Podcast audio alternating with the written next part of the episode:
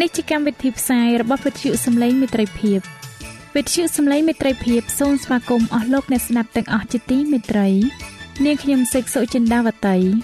ហើយខ្ញុំបាទអង្ចាន់វិជ្ជៈក៏សូមស្វាគមន៍លោកអ្នកស្ដាប់ទាំងអស់ផងដែរនៅពេលនេះយើងខ្ញុំមានសេចក្តីសុំមនស្សរីករាយដោយបានវិលមកជួបអស់លោកអ្នកនាងកញ្ញាអ្នកស្ដាប់សាជាថ្មីម្ដងទៀត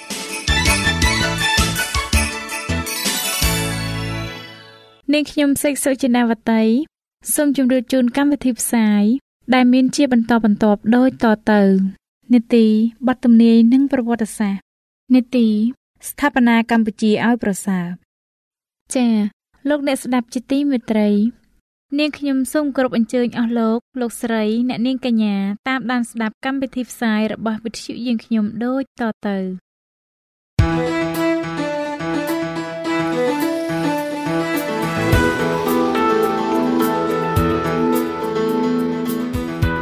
សូមជូននីតិបទទំនាយនិងប្រវត្តិសាស្ត្រ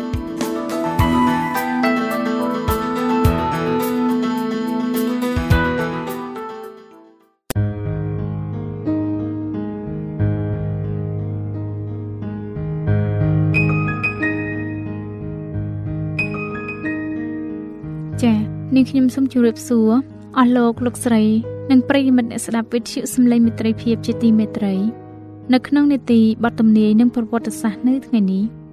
លោកអ្នកនឹងបានស្ដាប់ភាគទី2នៃចម្ពោះទី8ដែលនិយាយពីលោក Martin Luther នៅខាងមុខក្រុមប្រឹក្សាជាបន្តទៅទៀតតើលោកបានដោះសារខ្លួនដោយរបៀបណា ចា៎នេះខ្ញុំសូមគោរពអញ្ជើញលោកអ្នកតាមដានស្ដាប់ភាគទី2នៃចម្ពោះទី8ជាមួយលោកអនយរិតជាបន្តទៅទៀតដូចតទៅ ខ្ញុំបាទសូមជម្រាបសួរសូមឲ្យអស់លោកអ្នកបានប្រកបដោយព្រះគុណពីព្រះវរបិតានិងពីព្រះអម្ចាស់យេស៊ូវគ្រីស្ទនៅក្នុងការតាមដានស្ដាប់មេរៀននេះព្រះចៅធរាជក៏បានប្រថាប់លើបល្ល័ង្កហើយបានហុំព័ទ្ធដោយតួអង្គដ៏ធំដុំបំផុត ប្រចាំចក្រភពឥឡូវនេះលោក Martin Luther ត្រូវឆ្លើយចំពោះជំនឿរបស់គាត់ ការធ្វើដូចនេះ គឺជាសញ្ញាជ័យជំនះ លើប្រព័ន្ធកាតូលិករ៉ូមសម្ដេចប៉ាបបានប្រកាសកាត់ទោសមនុស្សនេះរួចទៅហើយ ហើយឥឡូវនេះគាត់កំពុងឈរនៅចំពោះសាលាក្តី គឺជាទង្វើ ដែលមានព្រៀបលើស្ដេចប៉ាបទាំងស្រុងស្ដេចប៉ាបបានដាក់គាត់ក្រោមការហាមឃាត់ហើយកាត់កាលគាត់ពីសង្គមមនុស្សទាំងអស់តែគេបានកោះហៅគាត់មកប្រើភាសាថ្លៃថ្នូរហើយត្រូវបានគេទទួលនៅចំពោះអង្គប្រជុំដ៏អធិកអធមជាទីបំផុត នៅក្នុងពិភពលោកទៀតផងរ៉ូម៉ាន់ធ្លាក់ចុះពីបល្ល័ង្ករបស់ខ្លួនរួចទៅហើយហើយគឺជាសម្លេងរបស់សង្ឃមួយអង្គនោះឯងដែលបណ្ដាលឲ្យមានការអាម៉ាស់មុខនេះលោក Luther មានកំណត់ជាជនក្រីក្រ ហាក់ដូចជាស្ញប់ស្ញែងក្នុងចិត្តហើយក៏អៀនខ្មាស់ផងដែរពួកក្សត្រប្រមាណអង្គបានមកឯគាត់ហើយមានមួយអង្គបានខ្សឹបថាកុំឲ្យខ្លាចនៅចំពោះអ្នកដែលសម្លាប់បានតែរូបកាយតែពុំអាចនឹងសម្លាប់ដល់ព្រលឹងនោះបានឡើយ។ មួយអង្គទៀតបានមានបន្ទូលថា កាលណាគេចាប់បញ្ជូនអ្នកទៅ មុខអ្នកគ្រប់គ្រងប្រទេសនិងនៅចំពោះស្ដេចដោយព្រោះព្រះ ព្រះវិញ្ញាណនៃព្រះវរបិតាអ្នកនឹងប្រទានសេចក្តីដែលត្រូវនិយាយនៅវេលានោះឯងព្រះគម្ពីរម៉ាថាយចំពុកទី10ខ18និងខ19ភាពស្ងប់ស្ងាត់ដ៏ខ្លាំងមួយបានធ្លាក់មកលើអង្គប្រជុំដ៏ណែនណានតាន់តាប់នោះបន្ទាប់មកភ្នាក់ងាររបស់អធិរាជក៏ក្រោកឡើង ហើយចង្អុលទៅឯសំណេររបស់លោក Luther ទាមទារឲ្យអ្នកកែតម្រង់រូបនេះឲ្យឆ្លើយទៅនឹងសំណួរពីរ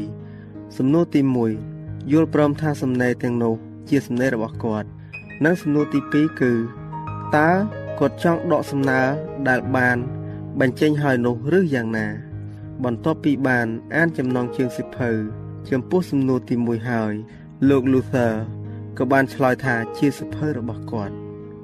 ចំពោះសំណួរទី2វិញគាត់មានប្រសាសន៍ថាខ្ញុំនឹងធ្វើទៅ ដោយធ្វេសប្រហែសហើយបើខ្ញុំឆ្លើយតបឥតបើគិតនោះខ្ញុំប្រហែលនិយាយតិចក្នុងកលៈទេសៈដែលទៀមទីឲ្យនិយាយច្រើនឬនិយាយច្រើនហួសពីសក្តីពិតដែលត្រូវការ ដោយមូលហេតុនេះហើយទូមង្គមសូមអង្វរចៅក្រមនៃចក្រភពដោយដាក់ខ្លួន សូមព្រះអង្គទុកឲ្យទូមង្គមប្រយោជន៍ឲ្យទូមង្គមឆ្លើយ ដោយពុំចំបាច់ធ្វើបាបទាស់នឹងព្រះបន្ទូលរបស់ព្រះឡើយលោក Luther បានបញ្ជាក់យ៉ាងច្បាស់ដល់អង្គប្រជុំថាគាត់ពុំបានប្រព្រឹត្តទៅតាមកំរោលឬតាមចិត្តម្នាក់ទេ ភាពស្ងប់ស្ងាត់និងភាពទប់ខ្លួនដូចនេះ ដែលនឹកស្មានថាมันមានសោះចំពោះជួនក្លាហានដ៏មិនសម្រុងសម្រួលនេះ បានជួយឲ្យគាត់ឆ្លើយនៅពេលក្រោយ ដោយប្រាជ្ញានិងសេចក្តីថ្លៃថ្នូរដែលធ្វើឲ្យពួកបច្ចាមិត្តរបស់គាត់ភ្ញាក់ផ្អើល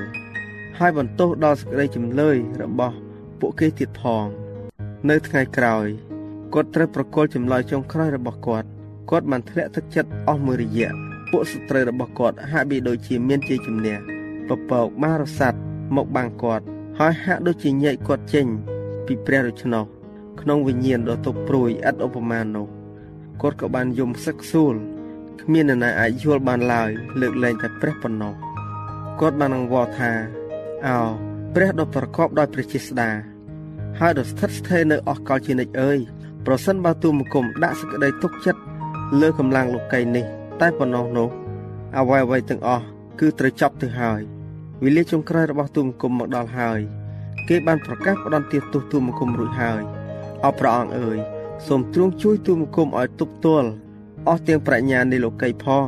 នេះជាកិច្ចការរបស់ព្រះអង្គហើយជាកិច្ចការដ៏សុចរិត និងដ៏អស្ចារ្យជានិច្ចមួយអរព្រះយេហូវ៉ាអើយសូមជួយទូមង្គមផង ព្រះដ៏ស្មោះត្រង់និងដ៏មិនចេះផ្លាស់ប្ដូរអើយទូមង្គមមិនទុកចិត្តមនុស្សសោះឡើយព្រះអង្គបានជ្រើសរើសទូមង្គមសម្រាប់ធ្វើការនេះ សូមទ្រង់ឈរនៅគៀកនឹងទូមង្គមសម្រាប់ជាប្រយោជន៍ដល់ព្រះយេស៊ូវគ្រីស្ទដ៏ជាស្ងួនភ្ងារបស់ព្រះអង្គដែលជាអ្នកការពារជាខែល និងជាប៉មដ៏រឹងមាំសម្រាប់ទូមង្គមប៉ុន្តែ ពុំមែនការខ្លាចចំពោះការឈឺចាប់ដល់ខ្លួន ការដាក់ទណ្ឌកម្មឬសេចក្តីស្លាប់ឡើយគេក្របសន្ធប់គាត់ដោយសេចក្តីរន្ធត់នោះគាត់មានអារម្មណ៍ថាខ្លួនខ្វះសមត្ថភាពព្រោះដំណើរការនៃសេចក្តីពិតអាចទទួលខាតបង់តាមរយៈភាពកំសោយរបស់គាត់គាត់មិនបោកចំបាច់ជាមួយនឹងព្រះ គឺមិនមែនសម្រាប់សន្តិសុខរបស់ខ្លួនទេ តែសម្រាប់ជាជំនះនៃដំណឹងល្អវិញក្នុងភាពទល់ច្រករបស់គាត់គាត់ចងរឹបជំនឿរបស់គាត់ ទៅជួបនឹងព្រះគ្រីស្ទដែលជាអ្នករំដោះដ៏មានមហិទ្ធិឫទ្ធិគាត់មិនទៅឯក្រុមប្រឹក្សាតែឯងឡើយសន្តិភាពបានត្រឡប់មកព្រលឹងគាត់វិញ ហើយបានអស់សប្បាយដោយខ្លួនត្រូវបានអនុញ្ញាតឲ្យលើកស្ទួយព្រះបន្ទូលរបស់ព្រះ នៅចំពោះអ្នកគ្រប់គ្រងប្រទេសជាតិលោក Luther បានគិតអំពីចម្លើយរបស់គាត់ពីនិតឃ្លាប្រយោគនៅក្នុងសំណេររបស់គាត់ហើយដកយកភ័ស្តុតាងពីបទកម្ពី ដើម្បីមកគាំទ្រគោលជំហររបស់ខ្លួន។ បន្ទាប់មកគាត់ក៏ដាក់ដៃឆ្វេងរបស់គាត់ នៅលើព្រះគម្ពីរបរិសុទ្ធលើកដៃស្ដាំទៅលើរួចសច្ចាថានឹងនៅតែមានភក្តីភាពចំពោះដំណឹងល្អនិងថ្លែងជំនឿរបស់ខ្លួនដោយសេរីទោះបីជាស្ត្រូវបោះត្រាទីបន្ទាល់របស់ខ្លួនដល់ឈាមក៏ដោយនៅពេលដែលគេនាំគាត់ចូលទៅក្នុងអង្គប្រជុំនីតិបញ្ញត្តិម្ដងទៀតគាត់មានសភាពស្ងប់ស្ងាត់និងខ្សែមសានតែក្លាហានហើយថ្លៃថ្នូរក្នុងនាមជាស្មោបន្ទាល់របស់ព្រះ ក្នុងចំណោមពួកអ្នកធំនៃផែនដីឥឡូវនេះភ្នាក់ងាររបស់ព្រះចៅអធិរាជបានទៀមទាការសម្រេចចិត្តរបស់គាត់តើគាត់ប្រាថ្នាចង់ដកពាក្យឬលោក Luther បានឆ្លើយដោយសម្លេងរៀបសារដោយគ្មានហិង្សាឬការច្រឡោតឡើយគាត់មានអរិយាបថរៀបទៀបនិងគួរឲ្យគោរពប៉ុន្តែគាត់បានបង្ហាញទំនុកចិត្តនិងអំណរដែលធ្វើឲ្យអង្គប្រជុំមានការភ្ញាក់ផ្អើលលោក Luther បានមានប្រសាសន៍ថា ព្រះករណាដ៏ថ្លៃពិសេសព្រះអម្ចាស់ដ៏ល្បីល្បាញនិងស្ដេចត្រាញ់ដ៏ប្រកបដោយព្រះគុណទូបង្គំបានមកនៅថ្ងៃនេះដោយសម្របទៅតាមបទបញ្ជា ដែលទូបង្គំបានទទួលពីម្សិលមិញប្រសិនបើទូបង្គំប្រព្រឹត្តល្មើសនិងបែបបទនិងទម្រង់តឡាការដោយព្រោះតែសេចក្តីល្ងងខ្លៅនោះសូមព្រះអង្គអភ័យទោសដល់ទូបង្គំផងព្រោះទូបង្គំពុំដែលរស់នៅក្នុងព្រះរាជវាំងរបស់ស្ដេចទេ តែនៅក្នុងទីក្រុងដាច់ដライវិញ បន្ទាប់មកគាត់បានពោលថា ចំពោះកិច្ចការខ្លះៗដែលគាត់បានបោះពុំរួចហើយនោះគាត់បានប្រព្រឹត្តទៅដោយជំនឿនិងអំពើល្អសូម្បីតែស្ត្រីរបស់គាត់ក៏បានថ្លែងថា មានប្រយោជន៍ដែរបើដកយកពាក្យវិញនោះនឹងផ្ដន់ទាទោសទៅដល់សេចក្តីពិត ដែលជួនទាំងអស់បានជឿហើយប្រការទី2គឺមានសំណេរដែលបើកបង្ហាញពីអំពើពុករលួយ និងអំពើលោភលន់របស់ប្រព័ន្ធកាតូលិករ៉ូម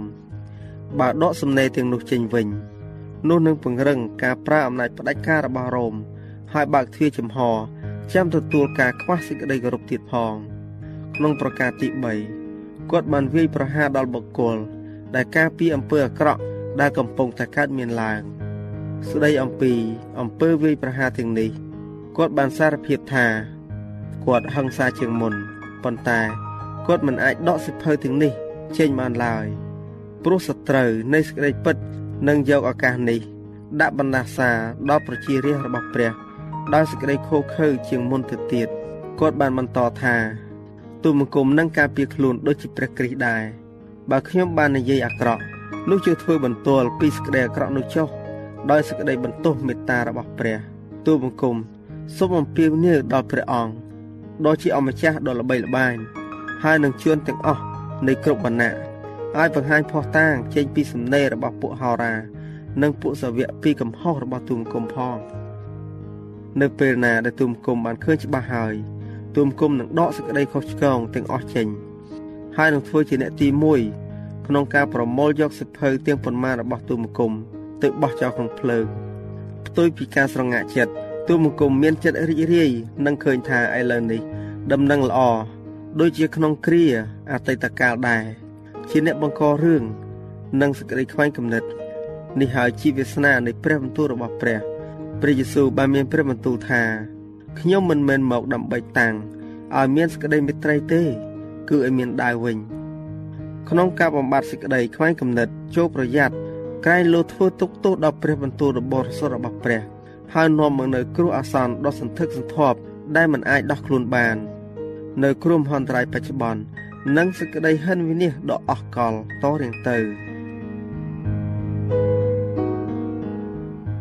ចា៎ដោយពេលវេលាមានកំណត់យើងខ្ញុំសូមអនុទីបទទំនាយនិងប្រវត្តិសាស្ត្រត្រឹមតែប៉ុណ្ណឹងសិនចុះដោយសន្យាថានឹងលើកយកនេតិនេះ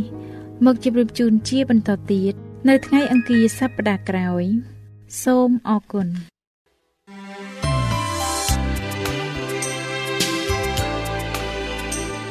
វិទ្យុសំឡេងមេត្រីភាព AWR ជាវិទ្យុដែលនាំមកពីក្នុងការនាំព្រះរាជសាររបស់ព្រះជាម្ចាស់សម្រាប់លោកអ្នក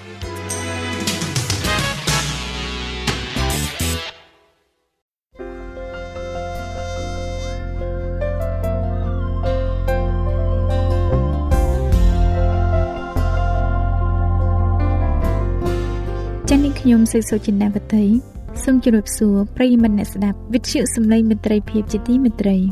នាងខ្ញុំមានសេចក្តីអំណរណាស់ដែលបានវិលមកជួបលោកអ្នកសាជាថ្មីម្ដងទៀតនៅក្នុងកម្មវិធីថាបនាកម្ពុជាឲ្យប្រសើរ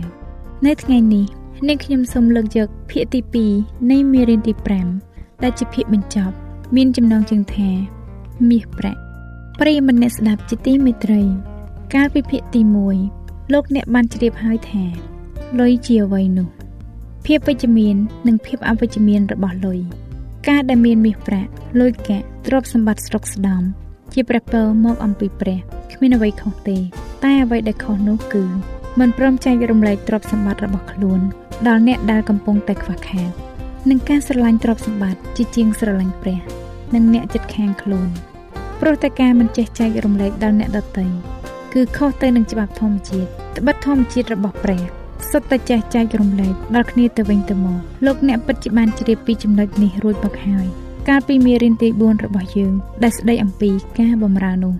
នៅថ្ងៃនេះនាងខ្ញុំសូមលើកយកចំណុចមួយចំនួនទៀតសម្រាប់លើកទឹកចិត្តដល់អស់លោកអ្នកដែលមានដូចជា ការមានប្រៀបក្នុងភាពជាអ្នកក្រ អំពីសមាវសត្ថភាពឬប្រែថាភាពចៅរៅឬការទទួលរុះរាយរាក់ទាក់ការធ្វើបាបបានបាប និងចំណុចចុងក្រោយគឺ ប្រាក់ចងការឲ្យព្រះ រួមទាំងការដកស្រង់មួយចំនួនទៀតផងឥឡូវនេះសូមលោកអ្នកស្ដាប់ចំណុចទី1ដែលស្ដីអំពី ការមានប្រៀបក្នុងភាពជាអ្នកក្រ កាលពីដើម មានគ្រួសារក្រមួយ ដែលមិនដឹងថាខ្លួនក្រទេដោយព្រោះអ្នកដតីឯទៀតក៏ក្រដូចតែគ្នាដែរកូនប្រុសរបស់គេឈ្មោះយូហានរៀនធ្វើការតាំងពីនៅតូច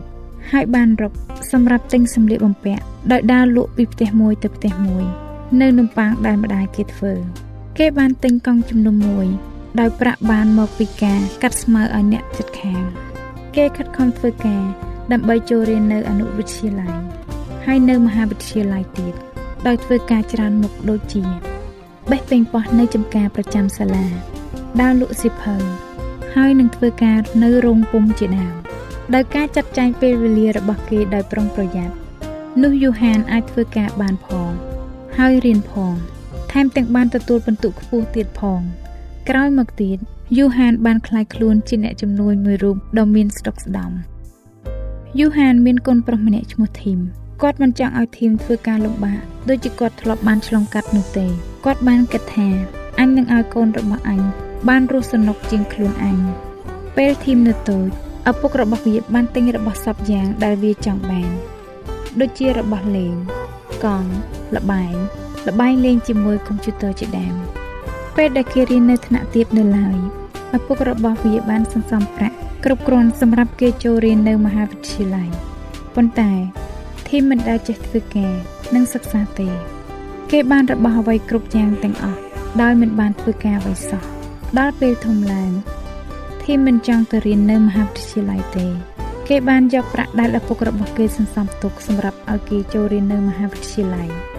ទៅចំណាយលើសូរ៉ានិងគ្រឿងញៀនសប្តាហ៍ថ្ងៃនេះធីមគ្មានមុខជំនាញនិងគ្មានការងារទេ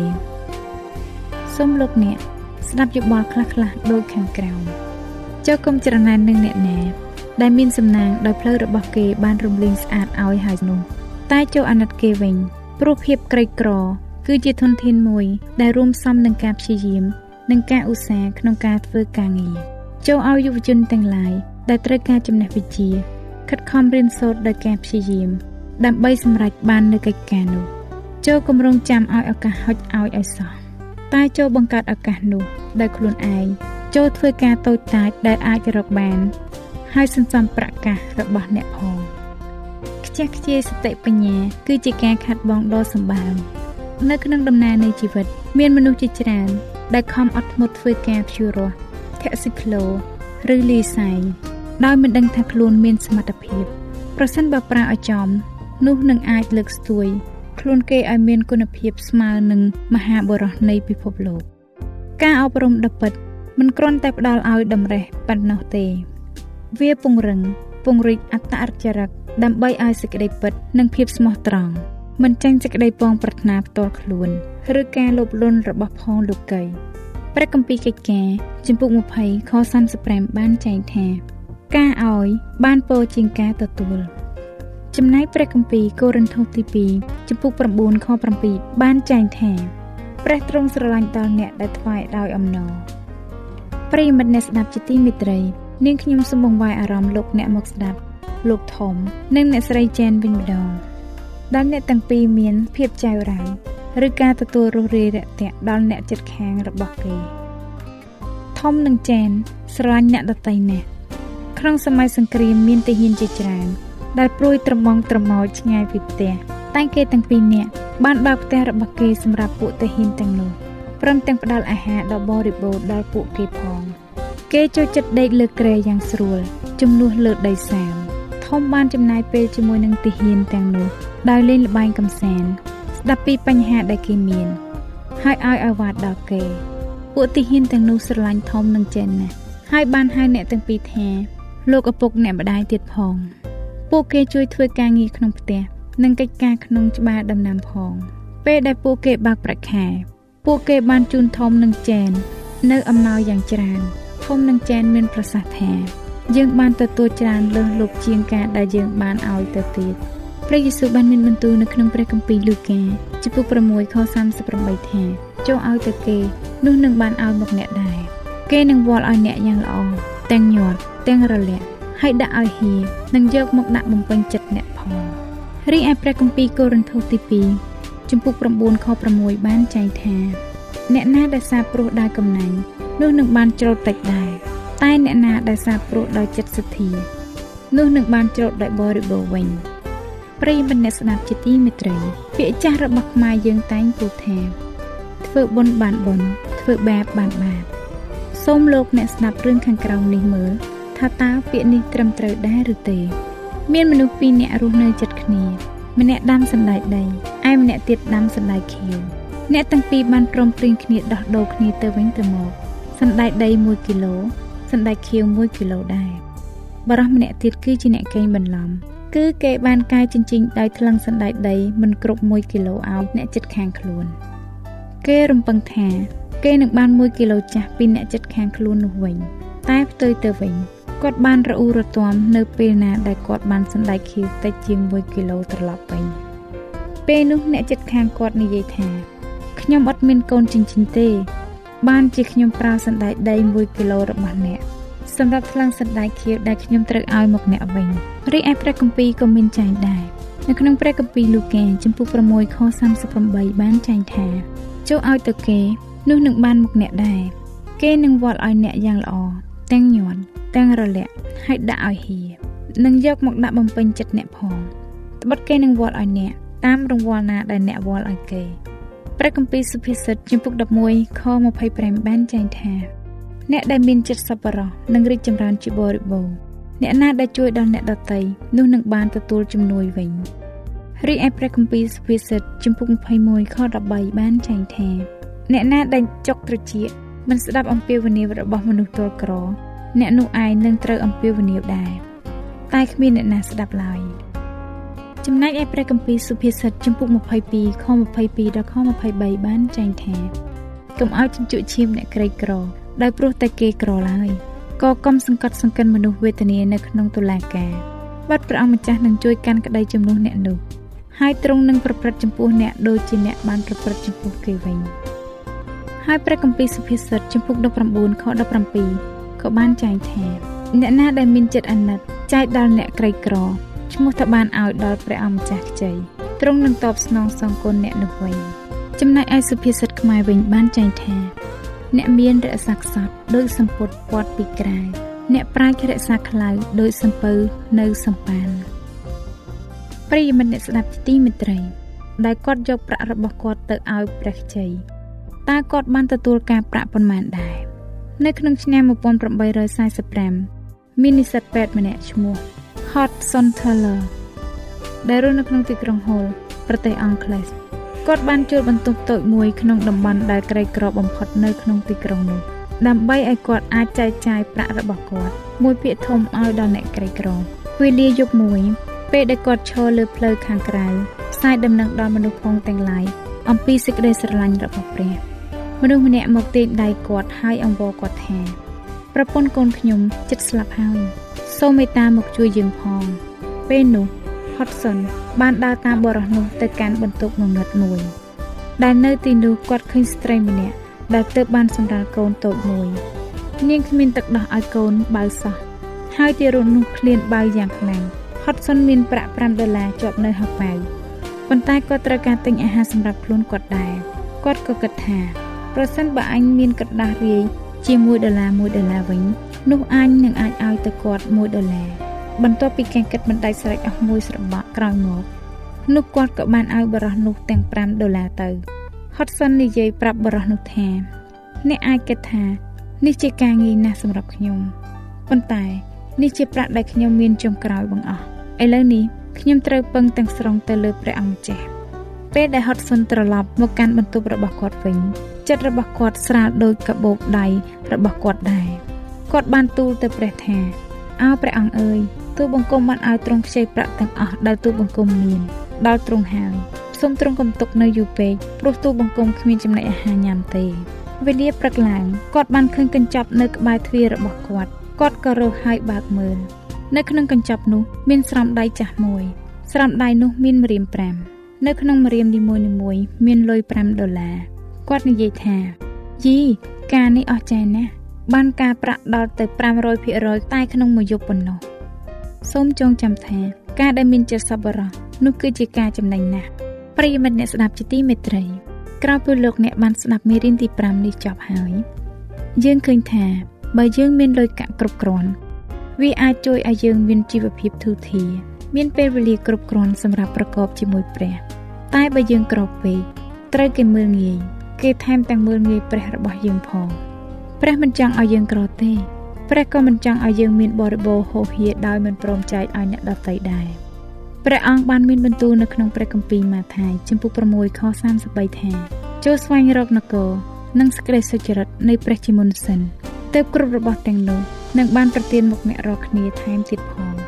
ព្រះចង់ឲ្យយើងរីកចម្រើនឡើង ទាំងប្រលឹងវិញ្ញាណនិងរូបកាយផងដែរតែទ្រង់ចង់ឲ្យយើងស្វែងរកទ្រង់ជាមុនសិន ទ្រង់ចង់ឲ្យយើងឧស្សាហ៍ព្យាយាមសិក្សានៅព្រះបន្ទូលដ៏បរិសុទ្ធរបស់ទ្រង់នៅពេលលោកអ្នកស្វែងរកនគរនិងសេចក្តីសុចរិតនៃព្រះឃើញហើយនោះទ្រព្យសម្បត្តិទ្រង់នឹងប្រទានមកតាមក្រោយលោកអ្នកអាចសួរខ្លួនឯងមើលថាតើនគរនៅឯណា ហើយសេចក្តីសុចរិតនៃព្រះបានមកពីណាតើលោកអ្នកស្វែងរកនគរនិងសេចក្តីសុចរិតនៃព្រះឃើញហើយឬនៅបើយោងតាមព្រះគម្ពីរនៅក្នុងនគររបស់ព្រះ យើងឃើញមានសេចក្តីស្រឡាញ់ សុភមង្គល អំណរការអត់ធ្មត់សប្បុរសអំពើល្អភាពស្មោះត្រង់សេចក្តីសុចរិតភាពសុភាពរៀបសារការចេះប្រមាណខ្លួនឯងការជួយគ្នា ការបម្រើគ្នា និងភាពសុខសាន្តហើយពិតណាស់ថា នៅក្នុងនគររបស់ព្រះនោះគ្មានកំហឹងគ្មានស្អប់គ្នាគ្មានការសងសឹកគ្មានការថ្កោលទោសគ្នាគ្មានការលោភលន់គ្មានភាពក្រៀមក្រំឬសោកសៅឬព្រួយបារម្ភណាឡើយ លោកអ្នកចាំទេ នៅក្នុងព្រះគម្ពីរលូកាចំពុក17ខ20ដល់21បានចែងថា មានពួកផារ៉ាស៊ីមួយក្រុម បានមកសួរទ្រង់ថាតើនគររបស់ព្រះនឹងមកដល់នៅពេលណានោះទ្រង់មានបន្ទូលឆ្លើយតបទៅគេថានគរព្រះមិនមែនមកបែបឲ្យឃើញទេគ្មាននរណានឹងថា មើលនៅទីនេះឬមើលនៅទីនោះបានឡើយត្បិតមើលនគរព្រះនៅកណ្ដាលអ្នករាល់គ្នាហើយតាមរយៈព្រះបន្ទូលទ្រង់ តើនគររបស់ព្រះស្ថិតនៅឯណា គឺស្ថិតនៅក្នុងចិត្តអ្នកនេះឯងសូមធ្វើចិត្តយើងឲ្យបានដូចជាស្ថានសួគ៌ពិតប្រាកដរបស់ទ្រង់សិនដូច្នេះអ្វីដែលឃើញនៅក្នុងនគរព្រះត្រូវតែមាននៅក្នុងចិត្តរបស់យើងដែរតើសេចក្តីសុចរិតបានមកពីណាសេចក្តីសុចរិតកើតចេញពីជំនឿត្រូវមានជំនឿយ៉ាងមុតមមហើយឥតងាករេជឿលើអ្វីដែលមើលមិនទាន់ឃើញក្រោយពីរកនគរនិងសេចក្តីសុចរិតនៃព្រះឃើញហើយ លោកអ្នកអាចសុំព្រះទៅបានហើយសូមទូលថ្វាយព្រះអង្គម្ចាស់នៅអ្វីដែលអ្នកត្រូវការព្រះអង្គសន្យានៅក្នុងព្រះគម្ពីរម៉ាថាចំពុក7ខ7ដល់ខ8ថាចូលសុំនោះតែងនឹងឲ្យមកអ្នកចូលរកនោះតែងនឹងឃើញ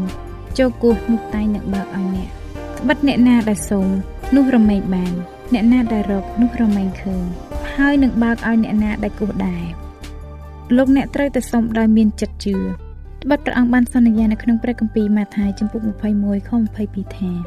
ហើយគ្រប់ទាំងសេចក្តីអ្វីដែលអ្នករាល់គ្នានឹងអធិដ្ឋានសូមដោយមានចិត្តជឿនោះនឹងបានសម្រេចទាំងអស់ហើយរឿងដែលសំខាន់មួយទៀតនោះគឺ ការចេះដឹងគុណព្រះគម្ពីរបានប្រាប់យើងថាចូលអរព្រះគុណក្នុងគ្រប់ការទាំងអស់ពីព្រោះព្រះទ្រង់សពព្រះハរតីឲ្យអ្នករាល់គ្នាធ្វើយ៉ាងដូច្នោះនិងខមួយទៀតបានប្រាប់ថាទាំងអរព្រះគុណដល់ព្រះជាព្រះវរបិតាជាដរាប ក្នុងគ្រប់ការទាំងអស់ដែលនៅព្រះនាមព្រះយេស៊ូវគ្រីស្ទត្រូវស្កប់ចិត្តនៅអ្វីដែលខ្លួនមានយើងត្រូវតែដឹងគុណព្រះព្រោះទ្រង់ជាព្រះអធិការដែលបង្កើតអ្វីៗទាំងអស់សម្រាប់យើង។